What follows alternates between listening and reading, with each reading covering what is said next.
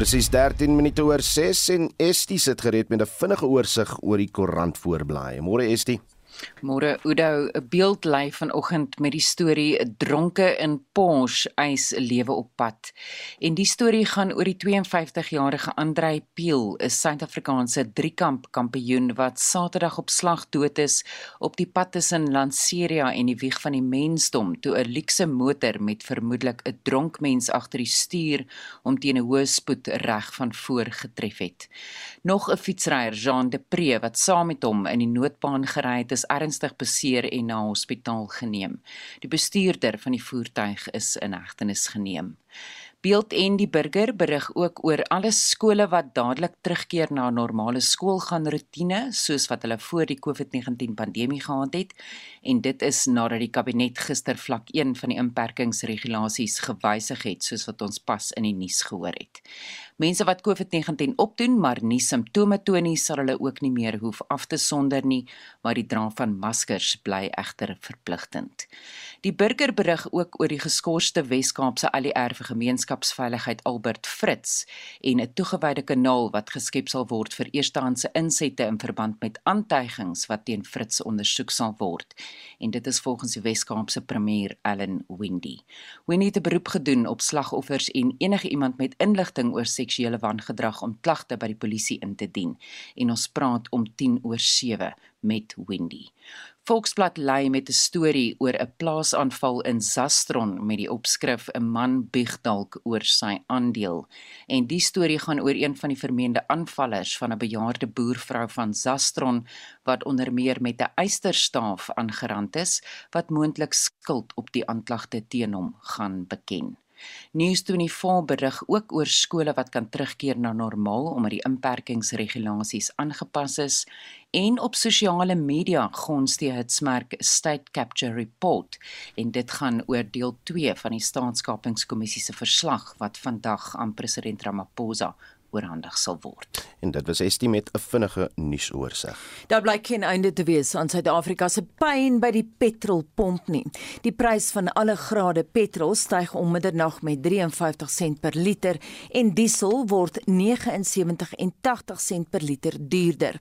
Die petrolprys is nou weer bo die R20 per liter kerf en gaan R20.14 sent in Gauteng kos. Motoriste aan die kus gaan net meer as R19 40 sent betaal. Parafin se prys styg met 'n volle R1.01 per liter. Nou wil ons vir oggend by jou weet, hoe raak hierdie stygings jou en tot hoe 'n mate sal jy nou jou begroting moet aanpas? Gaan jy minder ry of het jy ander planne om brandstof te bespaar.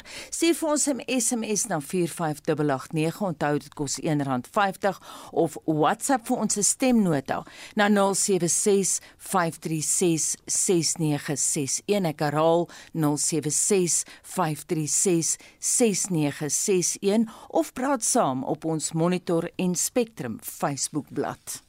Suid-Afrika se vrugteuitvoere word sedert Desember gekniehalter deur verskeie probleme by die land se hawens. Die uitvoerende direkteur van Hotgrow, Anton Rabbe, wat meer as 1000 produseerders landwyd verteenwoordig, sê die vrugtebedryf is 15 miljard rand werd, maar die sektor se reputasie is nou ingedrang. Anita het met hom gepraat. Die grootste probleem bly maar swak toerusting, swak onderhoud, goed wat kort kort breek En dan was daar ook arbeidsprobleme spesifiek in Desember.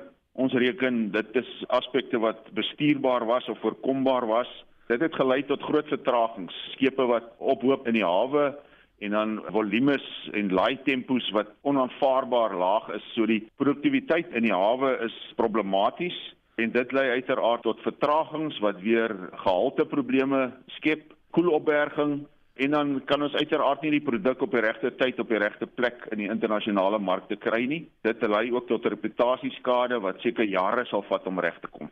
Ons het nou al redelike direkte en reguit gesprekke gehad met Transnet bestuur en ek wil daarom net sê dat ons werk tans eintlik baie goed saam om oplossings te kry en dinge is besig om te verbeter, maar die toerusting bly 'n groot probleem. Die goed breek aan mekaar skynbaar verlede week eh, toe dit so warm was, het van die toerusting net opgehou werk en dit het dit meegebring dat ons nie van die sogenaamde backlogs kon opmaak nie. Daar's erkenning van Transnet se kant, senior bestuur se kant dat die situasie onaanvaarbaar is en ons kan net eenvoudig nooit weer in so 'n situasie beland nie. Hoeveel geld het julle verloor?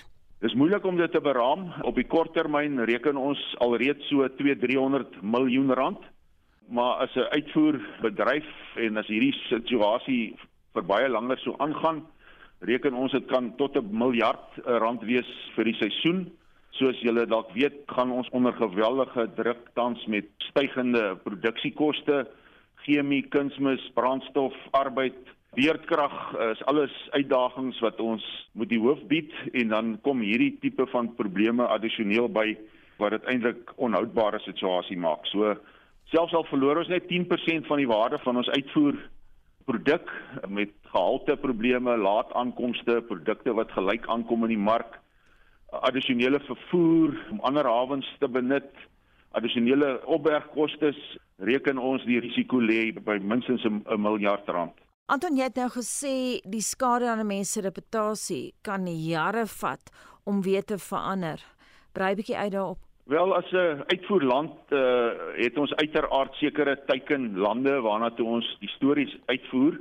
Baie van ons produk word geprogrammeer in die handel, met ander woorde dit word vir spesifieke verkoopsweke word dit geteken deur die handel en as daai produk nie betyds aankom nie of daar's 'n risiko dat die produk nie betyds gaan aankom nie of dat die gehalte dalk vraagteken oor gaan hê gaan uh, die kliënte na ander aanvoerlande kyk. Ons is nie die enigste uh, suidelike halfrond uitvoerder nie. Suid-Amerika, Chili, Argentinië spesifiek en dan natuurlik ook Australië, uh, Nieu-Seeland is groot uitvoerlande na die noordelike halfrond. So as ons nie die produk kan lewer nie, dan gaan kyk hulle na ander bronne en dit is uiteraard iets wat 'n uh, ripple effek sal hê ook in die toekomstige jare en dit maak ook die bedingingsvermoë van ons uh, bedryf verlaag dit omdat jy dan met 'n swak hand, swak kaarte moet jy nou speel in in hierdie internasionale wedstryd en dit is eintlik onmoontlik om dit te kwantifiseer. Het jy darm van die vure kon doodslaan die afgelope tyd? Ja, die uh, die uitvoerders, ons het ook baie goeie samewerking van produsente kant af met ons uitvoerderkorps. Baie van ons produsente voer ook hulle eie produk uit en hulle het, is uiteraard ook in direkte kontak met hulle kliënte oor see en daar staan uh, eh, goeie kommunikasie. Eintlik werk die noord-suid roetes nog oukei, okay, maar ons is baie bekommerd oor die oostelike roetes, veral na die nuwer markte in China, Indië Maleisië ensovoorts, Thailand, Taiwan waar die van die skepe nou die Kaapse hawe mis en direk na die Oos-Kaap en die Durbanse hawe toe gaan en van daar af dan uh, produkte na die oosterse lande toe voer. So dis dit gaan tot ekstra kostes lei om die produk daar te kry. Maar ons probeer die handel ingelig hou en dit is eintlik maar al wat ons op hierdie stadium kan doen. Anton jy het nou gesê jy brei uit na nuwe markte en so is daar iets opwindends wat gebeur? Jy het verwys na Maleisië en Indië en so aan. Is daar iets wat die publiek nie weet nie? Ja, ons het nou onlangs toegang gekry tot China vir ons peerbedryf. Ons het so 5, 6 jaar gelede het ons die appelbedryf se protokol na China deurgevoer gekry en ons het nou die afgelope 2 jaar eintlik gesien hoe groot impak dit begin maak op volumes. Dit vat maar tyd om om sulke nuwe markte te ontwikkel. So die peer 'n protokol die uitvoere van pere verwag ons hier van einde van Februarie af behoort ons na China toe te kan uitkry en dan is daar is ons ook op die punt om 'n nuwe vervoer 'n protokol sogenaamde in-transit koue sterilisasie protokol met Indië in plek te sit waar dan ook uh, addisionele volumes na daai mark toe of markte toe behoort te trek en dan het ons 'n uh, goeie vordering met Thailand, Taiwan, uh, Maleisië, Indonesië en so aan maar uiteraard is dit aanvullend tot ons kernmarkte wat maar nog in Europa lê, maar ons sien ook goeie uitbreidings in Wes-Afrika spesifiek vir appels en ons begin nou ook 'n uh, opbloei sien in Oos-Afrika waar dinge bietjie uh, besig is om in die regte rigting te ontwikkel. Met watter soort vrugte in Oos-Afrika? Hoofsaaklik appels, maar ons verwag ook dat uh, dat pere sal begin uh, vloei in daai deel van die wêreld. Ons steenvrugte wat natuurlik meer bederfbaar is as as appels en pere is maar nog uh, 'n uh, bietjie van 'n vraagteken oor. Infrastruktuur en die die koelketting in van hierdie lande is onderontwikkel maar dit is besig om in die regte rigting te beweeg.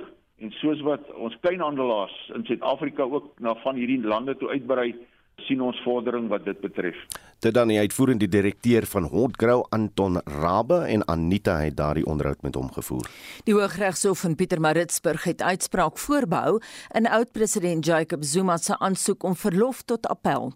Zuma het die aansoek gebring teen die weiering van sy spesiale pleitrede waarin hy vra dat staatsadvokaat Billy Downer hom aan die saak moet onttrek. Zuma voer aan dat hy nie regverdig verhoor sal word nie. Die hof het in Oktober die pleitrede van die hand gewys en regter Pieter Koen sal nou op 16 Februarie uitspraak lewer. Dries Liebenberg berig. Zuma se regspan wil hulle tot die Hoogste Hof van Appel wend om duidelikheid te verkry oor of die betiteling van 'n staatsanklaer om 'n saak te behartig in eng terme gedefinieer moet word as iemand wat behoorlik aangestel is. Hulle voer aan dit moet in 'n breër sin vertolk word wat 'n staatsanklaer se gedrag ook in ag neem as dit iemand se reg tot 'n regverdige verhoor aantas. Downer is al 20 jaar lank betrokke by die vervolging van beweerde bedrog en korrupsie met Suid-Afrika se wapenaankope in 1999. Zuma en die Franse wapenmaatskappy Thales word in verband hiermee aangekla. Zuma se advokaat, Dali Mpofu, het aan die hof gesê dit sal nie in die belang van geregtigheid wees as sy kliënt tot die einde van die verhoor moet wag om 'n beswaar te opper oor die regverdigheid van die verhoor nie. Because it cannot be that he is told by those courts that this matter must be dealt with here. And then when he comes here, he's told that those matters are res judicata. That means he, he, there's no court in this world that where he must be able to raise this issue. He must be caught in this merry-go-round of judicial passing of the buck. Staatsanklaer advokaat Andrew Breitenberg het egter aangevoer dat die regter wat die korrupsiesaak aanhoor, die getuienis in die verhoor moet opweeg om 'n oordeel te vel of die verhoor regverdig was. Mr Zuma's case insofar as his not getting a fair trial is concerned because of the involvement of Mr Downer. In other words, Mr Downer's involvement will imperil his right to a fair trial is essentially speculative. The proof of the pudding will be in the trial itself. Evidence will be led. And once that is done, this court will be in a position to assess that contention, the merit of that contention. Breitenberg het aan die hof gesê baie van die kwessies in die aanklag wat Zuma teen Downer by die polisie ingedien het, grootliks 'n herhaling van sy spesiale pleit is. Breitenberg sê 'n groot deel van Zuma se verklaring het niks met Downer te maak nie. Is that the further evidence must be such that if accepted, it could reasonably lead to a different verdict or sentence. Those are the important words, verdict or sentence. Our submission is that even if they were accepted, none of the three allegations in Mr. Zuma's affidavit of the 21st of October, which do concern Mr. Downer, would justify a finding in his favour on the special plea, let alone his acquittal in terms of section 1064. Daar was 'n klein groepie Zuma-ondersteuners buite die hof. Hulle het weer eens gesê dat die howe nie regverdig teenoor Zuma is nie. I'm very angry. I think his rights have been trampled. The courts are biased and Zuma is not treated fairly by the courts. All what we want is for Zuma to be treated like all people and his rights be respected like any other citizen. He should not be treated like an enemy. This is a man who fought for our freedom. This case has political conspiracy against Zuma. There are many wrong things happening in court. This is an old man. Why are they determined and hell bent to see him going to jail? We are not happy with this.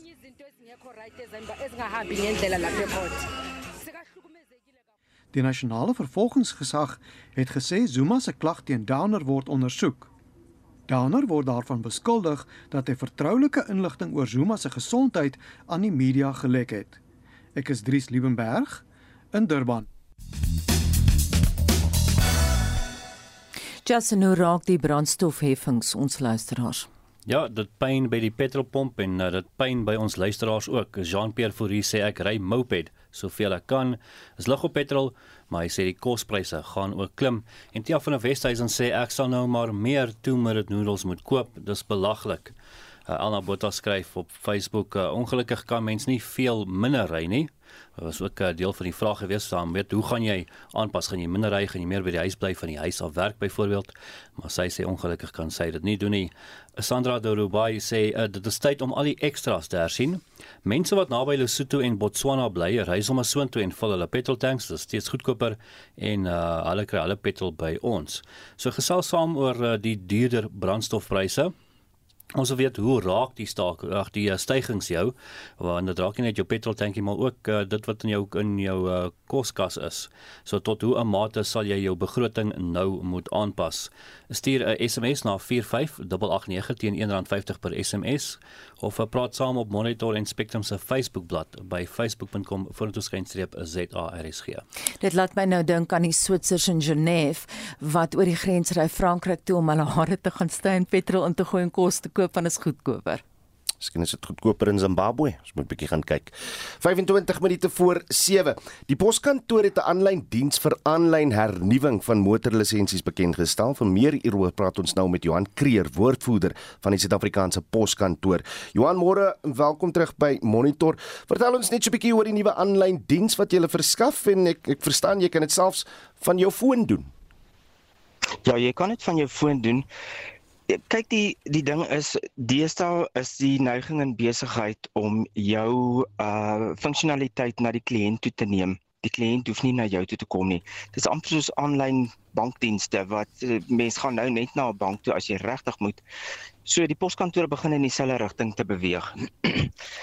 en die idee hier was dat jy jou motorlisensie kan hernie waar jy ook al is en solank jy net konnektiwiteit het. Reg, verduidelik net vir ons wat die die webwerf eerste is of die webtuiste adres en dan wat die proses is. Dis https en moet tog nie daai s vergeet nie. www.sapo.mwl.co.za. Uh dit werk so jy moet eers registreer en dit is 'n bietjie van 'n omslagtige proses, maar as jy een keer geregistreer is, dan is die hernuwing baie baie makliker en dit beteken ook as jy meer as een kar het of as volgende jaar aanbreek en jy moet weer betaal, hmm. dan is dit bitter vinnig en maklik regtig waar.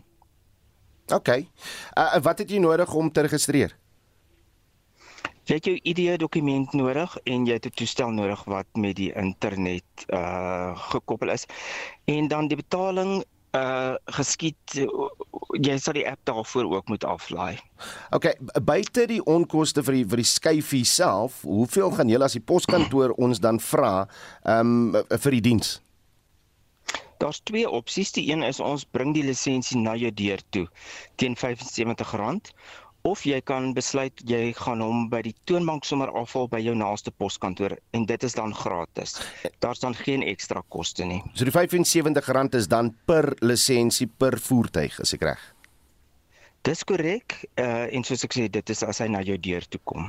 Uh Johan sê my kan vloot eienaars ook van die diens gebruik maak. Hulle kan natuurlik maar ons het eintlik vir vloot eienaars 'n ander spesiale reëling waar uh iemand van die poskantoor na jou plek toe kom na jou werksplek en al die dokumente kry wat nodig is vir die hernuwing van jou baie voertuie dan gaan doen ons die hernuwings en dan bring ons die lisensies terug. Nou daarvoor eh, vra ons natuurlik 'n bietjie geld. OK, en en is die diens nou al in alle provinsies uh, beskikbaar? Hy is nie. Hy's in 8 8 van die van die 9 provinsies, nie in die Weskaap nie. Ons werk daaraan om hom in die Weskaap ook uh, beskikbaar te maak, maar jy weet daarvoor moet wetgewing verander word. So dit is 'n taamlik omslagtige proses. Ver, dit gaan sekerlik maar nog 'n rukkie duur. Verduidelik net bietjie wat wat moet verander word in die wetgewing? Kyk, jy vra my nou vas. Dit is maar goed wat gepubliseer moet word in die staatskoerant en ons moet 'n ooreenkoms sluit met die uh, provinsiale regering en die departement van vervoer van die betrokke provinsie. Die detail daarvan weet ek nie. OK. So hy's nou aanlyn, mense kan nou begin registreer. Uh, jy sê is 'n bietjie van 'n bilie om om reg te kry, maar sodra jy reg is, is jy staan jy nog gereed vir elke jaar hierna om om aanlyn te registreer. Weet jy wat ek snaaks vind, Johan, en is fantasties dat jy as die poskantoor nou die diens kan lewer. Maar ek het nou net ge gewonder, uh, hoekom moet ons na poskantoor toe gaan vir iets wat die departement van vervoer nou eintlik aan ons moet bied? Want daar's oral 'n poskantoor. Daar's nie oral 'n departement van vervoer nie. En die ander ding is in die 8 provinsies is die poskantoor gelisensieer om uh ehm um, motorlisensies uit te reik. Kyk, ander ouens wat gaan er nie namens jou is eintlik maar net 'n boodskapper wat gaan tou staan mm, vir jou. Mm. Iewers by 'n departement van vervoer en ons kan binne in die poskantoor self die lisensieskyfie uitreik. Dis hoekom baie mense dit doen. Laas jaar het 3 miljoen uh motoreienaars hulle lisensies by poskantore betaal. Want jy stap daar in en jy betaal en jy stap uit met 'n nuwe lisensie. En net laastens is jy nou nog boetes het op 'n sekere 'n voertuig wat betaal moet word of enige heffings wat jy moet betaal, gaan jy jou jou tyd mors by die poskantoor se aanlyn proses want dit moet eers gebeur voordat jy uh jou lisensie kan kry, nie? Korrek, maar die app sal vir jou sê uh daar's 'n boete uitstaande okay. jy moet hom eers gaan betaal. Nee lieflik, dit was Johan Kreer, die woordvoerder van die Suid-Afrikaanse Poskantoor. 'n Vletjie blaser organisasie in Limpopo, die Kontelebebe Stichting, vra vir die spoedige implementering van die spesiale ondersoekeenheid se aanbevelings. Die stigting het president Ramaphosa in 2020 genader met aantuigings van korrupsie in die toekenning van kontrakte vir persoonlik beskermende toerusting. Ramaphosa het verlede maand die finale verslag van die SOE ontvang terwyl die Limpopo Limpopo verslag reeds verlede jaar aan die premier oorhandig is. Mitsi van der Merwe doen verslag. Die finale SOE verslag na die onreëlmatige toekenninge van toerustingtenders in die Limpopo Gesondheidsdepartement en ander organisasies het verskeie senior beamptes betrek. Die bewering is dat tenders ter waarde van 125 miljoen rand so onreëlmatig toegeken is. Die SOE het 33 strafregtelike gevalle na die wetstoepassingsagentskappe verwys. Die vletjieblaser, die Conte Lebebe Stichting, was onder die eerstes wat 'n brief aan die president geskryf het en sy aandag op die beweerde onwettige aankoopprosesse gefestig het. Die adjunkvoorsitter van die stigting, Ngako Setjie, sê hulle wil hê dat die president die SOE aanbevelings onmiddellik moet toepas. Setjie het ook die besluit van die premier se kantoor om nie inligting aan die media te verskaf oor die toepassing van die verslag nie, skerp veroordeel. As CONF, we are very much worried because there are some recommendations from the SIU and our worry comes because the office of the premier, he said he doesn't want to talk to the media because now we are worried what does he doesn't want to speak to the media because that thing is public he must just implement the recommendation so that the enforcement law can take its course because we are sick and tired as the province of Limpopo because just people are looting looting every day Die vakbond Nahawu het ook 'n beroep op die Limpopo regering gedoen om die voorstelle van die verslag vinnig toe te pas. Die sekretaris van Nahawu, Moses Mwabani sê die fonds wat na bewering geplunder is in die departement van gesondheid kon gebruik word om meer werksgeleenthede te skep. We found it very much despicable. The findings that are there in the SIU reports clearly indicates our long-term stance on corruption. That the money that have been used there could have been used for many things to save lives to our people. So when we see these many billions that have been squandered, indeed our heart uh, uh, breaks. Die kantoor van die premier in Limpopo het intussen die betrokke departemente en ander organisasies opdrag gegee om nie te praat oor die SOE verslag nie totdat die provinsie sy prosesse afgehandel het. Die provinsiale regering sê hy bekyk nog die verslag. Maglatsi Paladi het hierdie verslag saamgestel. Mitsi van der Merwe, SAK nuus. Suid-Afrikaners moet hulle gereed maak vir 'n brandstofskok. Die petrolprys styg om middernag met 53 sent per liter, terwyl diesel se groothandelprys met 'n eislike 79 en 80 sent 'n liter styg afhangend van die swaal inhoud. Parafin se prys styg met 'n massiewe R1.01 en dit juis vir mense wat arm is. En ons praat nou met 'n ekonom aan Noordwes Universiteit professor Waldo Krugel hieroor. Goeiemôre Goeiemôre Waldo. Goeiemôre Anita. Ons praat uh, binne die konteks van 'n land waar baie mense arm is en baie mense, ek dink veral eers ek wil begin met parafin voordat ons na brandstof toe gaan. Mense wat juist die armstes, het juist parafin nodig en R1.01 is baie geld. Dit is 'n baie groot verhoging en en dit tref die die armste huishoudings mm. soos jy sê. Wil jy kommentaar lewer oor die redes vir hierdie stygings voordat ons by die brandstof uitkom Waldo? Uh, parafin uh, tel ook maar onder hierdie groter pool van brandstof. Ek is nie presies seker hoekom parafin in besonder so skerp styg uh, hierdie maand nie. Uh, maar die, die brandstofpryse uh, se die drywers daarvan is is besig om eintlik tot hoë verhogings te lei. En dink jy ons gaan dan weer later van die jaar nog verhogings sien? Jy weet mense sukkel al reeds so. Dit lyk ongelukkig so. Nee, die die internasionale oliepryse bly hoog. So, goed soos wat die internasionale e ekonomie groei, beteken dit eintlik maar daar is 'n groot vraag na olie en, en dit hou daardie prys hoog. Die rand is baie volatiel en dis die ander komponent van van hierdie vergelyking. En as dit nie was dat die rand in Januarie eintlik bietjie sterker was nie, sou hierdie brandstofprysverhoging selfs hoër gewees het. Nou die regering het in die verlede die pryse voortydig bekend gemaak. Dit blyk nou te verander. Dis reg. Eh, die die departement het verlede jaar nogal 'n vreemde rede gegee. Hulle het aangevoer dat die data wat hulle bekend gestel het, die die daaglikse oor en onder verhaling, is eintlik bedoel vir maatskappye en dat die outomobielassosiasie wat hierdie data gebruik het om vir verbruikers 'n opdatering oor die brandstofprys te gee, ondermyn die minister se aankondigings en daarom maak hulle nie meer die data bekend nie. Ons het nou verwys na die feit dat die publiek gaan swaar kry en die armses van die armes baie beslis, maar hoe gaan die verhoogde brandstofpryse die ekonomie in geheel raak? In geheel beteken dit dat as daar nou 'n groter gedeelte van jou besteding aan brandstof is, is daar minder geld vir ander goed. En dit beteken die die verbruiker se vraag in die breë word gedemp eh, en die besighede wat weer daarvan afhang se aktiwiteite word gedemp nog erger dit voer weer 'n inflasieproses mm. wat weer dit noodsaaklik maak om rentekoerse te verhoog en dit demp die vraag nog verder. So dit dis faktore wat duidelik die makro-ekonomie sterk gaan beïnvloed hierdie jaar. Enige praktiese raad vir ons luisteraars wilde? Dis moeilik want daar is nie baie alternatiewe tot uh om, om van punt A na punt B te kom nie. mm. uh, Mens kan probeer om om jou ritte meer ekonomies te probeer maak, minder te maak. Uh maar maar dis moeilik om te sê jy moet nader na jou werk toe trek byvoorbeeld. Dit dis 'n baie groter stap om te neem en en en baie moeilik. Ja, so tot ons nie iets anders aan ons voertuie kan sit nie, uh sit ons met die probleme van 'n hoë brandstofprys. Ja, ek moet sê ek het jare gelede fiets gery in Johannesburg, maar ek's nou te bang om dit te doen. Statistieke Suid-Afrika het die samestelling van sy verbruikersprysindeks mandjie ook nou aangepas.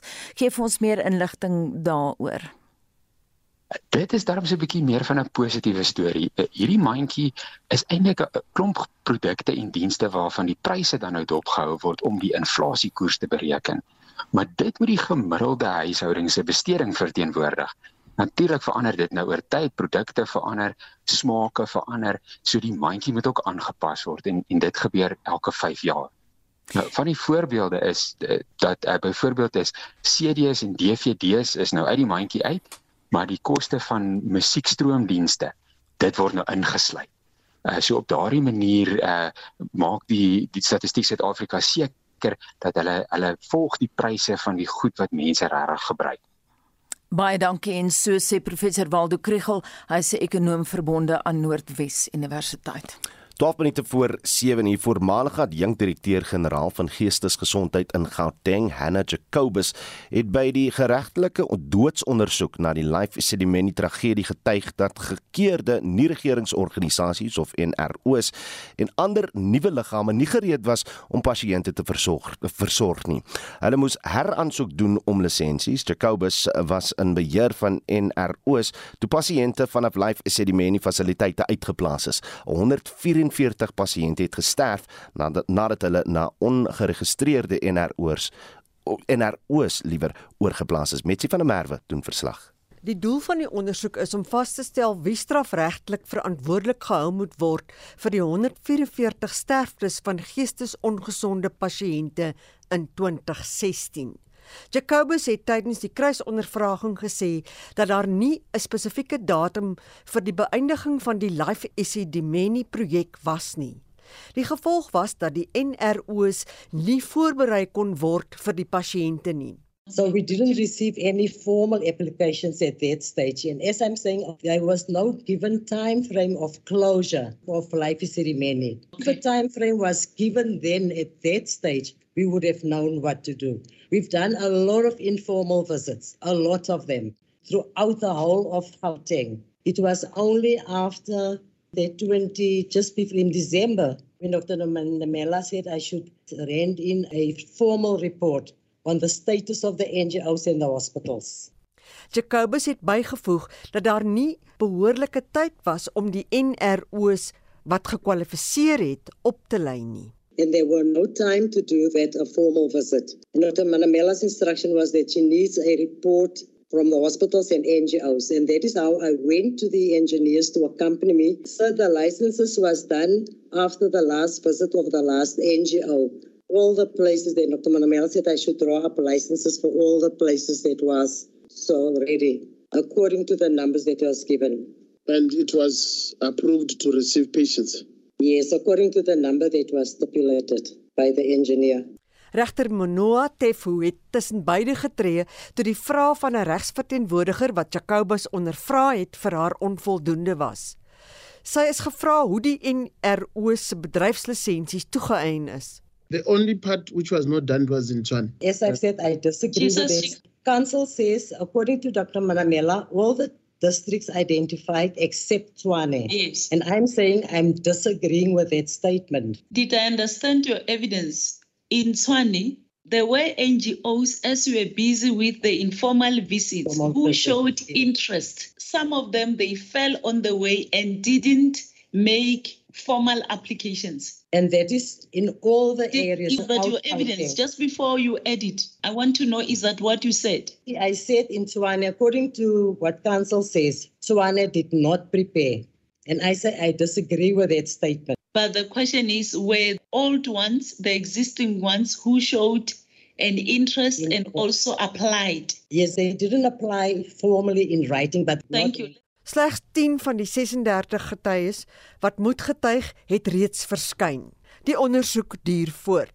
Faniel Shuma het hierdie verslag saamgestel. Mitsi van der Merwe, SAK nuus. En van Pretoria na Johannesburg monitor kry deurlopend klagtes van luisteraars oor 'n groot slaggat op Beyersnodeweg in Melville, Johannesburg. Dis nou oorkant die Universiteit van Johannesburg se hokkievelde. Nou motoriste in die gebied sê dat die slaggat oor die afgelope 3 jaar reggemaak uh, is, maar na 'n paar weke weer oop lê. Funzin Gubeni, die burgemeesterskomitee lid vir vervoer in die Goudstad, sê die slaggat is veroorsaak deur 'n waterpyp onder die pad. It's not actually a pothole. It's a reinstatement. Johannesburg Water has a pipe that is leaking underground, and they have been obviously, like uh, we indicated, this thing has been reoccurring. It seems like they have uh, tried to close the pipe, but it seems like they didn't do a good job. And so it's opened again. So what has been reported to me is that Joburg Water is still waiting for a part that they need to obviously use to close the pipe and to fix that pipe so that the road can be uh, reinstated. Volgens Ngubeni is daar 'n proses wat deur Johannesburg Water gevolg moet word om die pyp reg te maak. En daarna sal die Johannesburgse padagentskap die gat kom toegrawe. I don't believe that it should be two agencies that must work on such a reinstatement. If Joburg Water fixes a pipe, they should be able to then immediately close that ditch instead of waiting for another entity to come and do it. So we are in the process of changing that policy. I know that there's a meeting uh, between JRA and Joburg Water on the 3rd of February that is going to resolve this matter because that's my request that we have made to the two agencies to make sure that we find closure in, uh, in this arrangement. Monitor het daarna gevra hoe dit 3 jaar kan neem om onderdele te kry om die pyp reg te maak. Ngubeni het so reageer. No, I mean, uh, um, look, I think now that I know about this issue, I am going to follow up on it with my colleague Michael San, who is responsible for Johannesburg Cold Water. I also want to understand why it has taken this long to find a path that can be able to help us to fix this problem. It is really for me as well, you know, something that doesn't make a lot of sense. Unless they say to me that we fixed it before and um, it burst again and whatever. But it's something that has been brought to my attention now, and I'm going to make sure that I follow up with the relevant MNC that site in Johannesburg Water to make sure that we find a, a closure on this. So, yeah, that's uh, the best that we, one can do from the side. As I said, you know, the process is that we can only come in once they've, they've fixed that pipe. If we close it without them having fixed that pipe, that means water will still be coming out there and it will create the same problem. So I'm, I'm going to follow up on, on this matter with Johannesburg Water. Dit was Funzi Ngubeni, die burgemeesterskomitee lid vir vervoer in die Johannesburgse metro. Ek as Vincent Mufokeng vir SAK nuus. Intussen praat ons oor hoe die hoë brandstofpryse ons luisteraars raak en dan moet mens ook praat oor die parafienpryse wat gestyg het. Maar voor ons daarby uitkom Anita, wil ek net gou uh, Leonie Wyland se SMS antwoord sy vra aan um, dat ons net die die ja, e-posadres van die motorlisensies weer herhaal. Dit is www .sapo.mvl so Suid-Afrikaanse Poskantoor Motorvoertuiglisensies uh, www.sapo.mvl vl.co.za.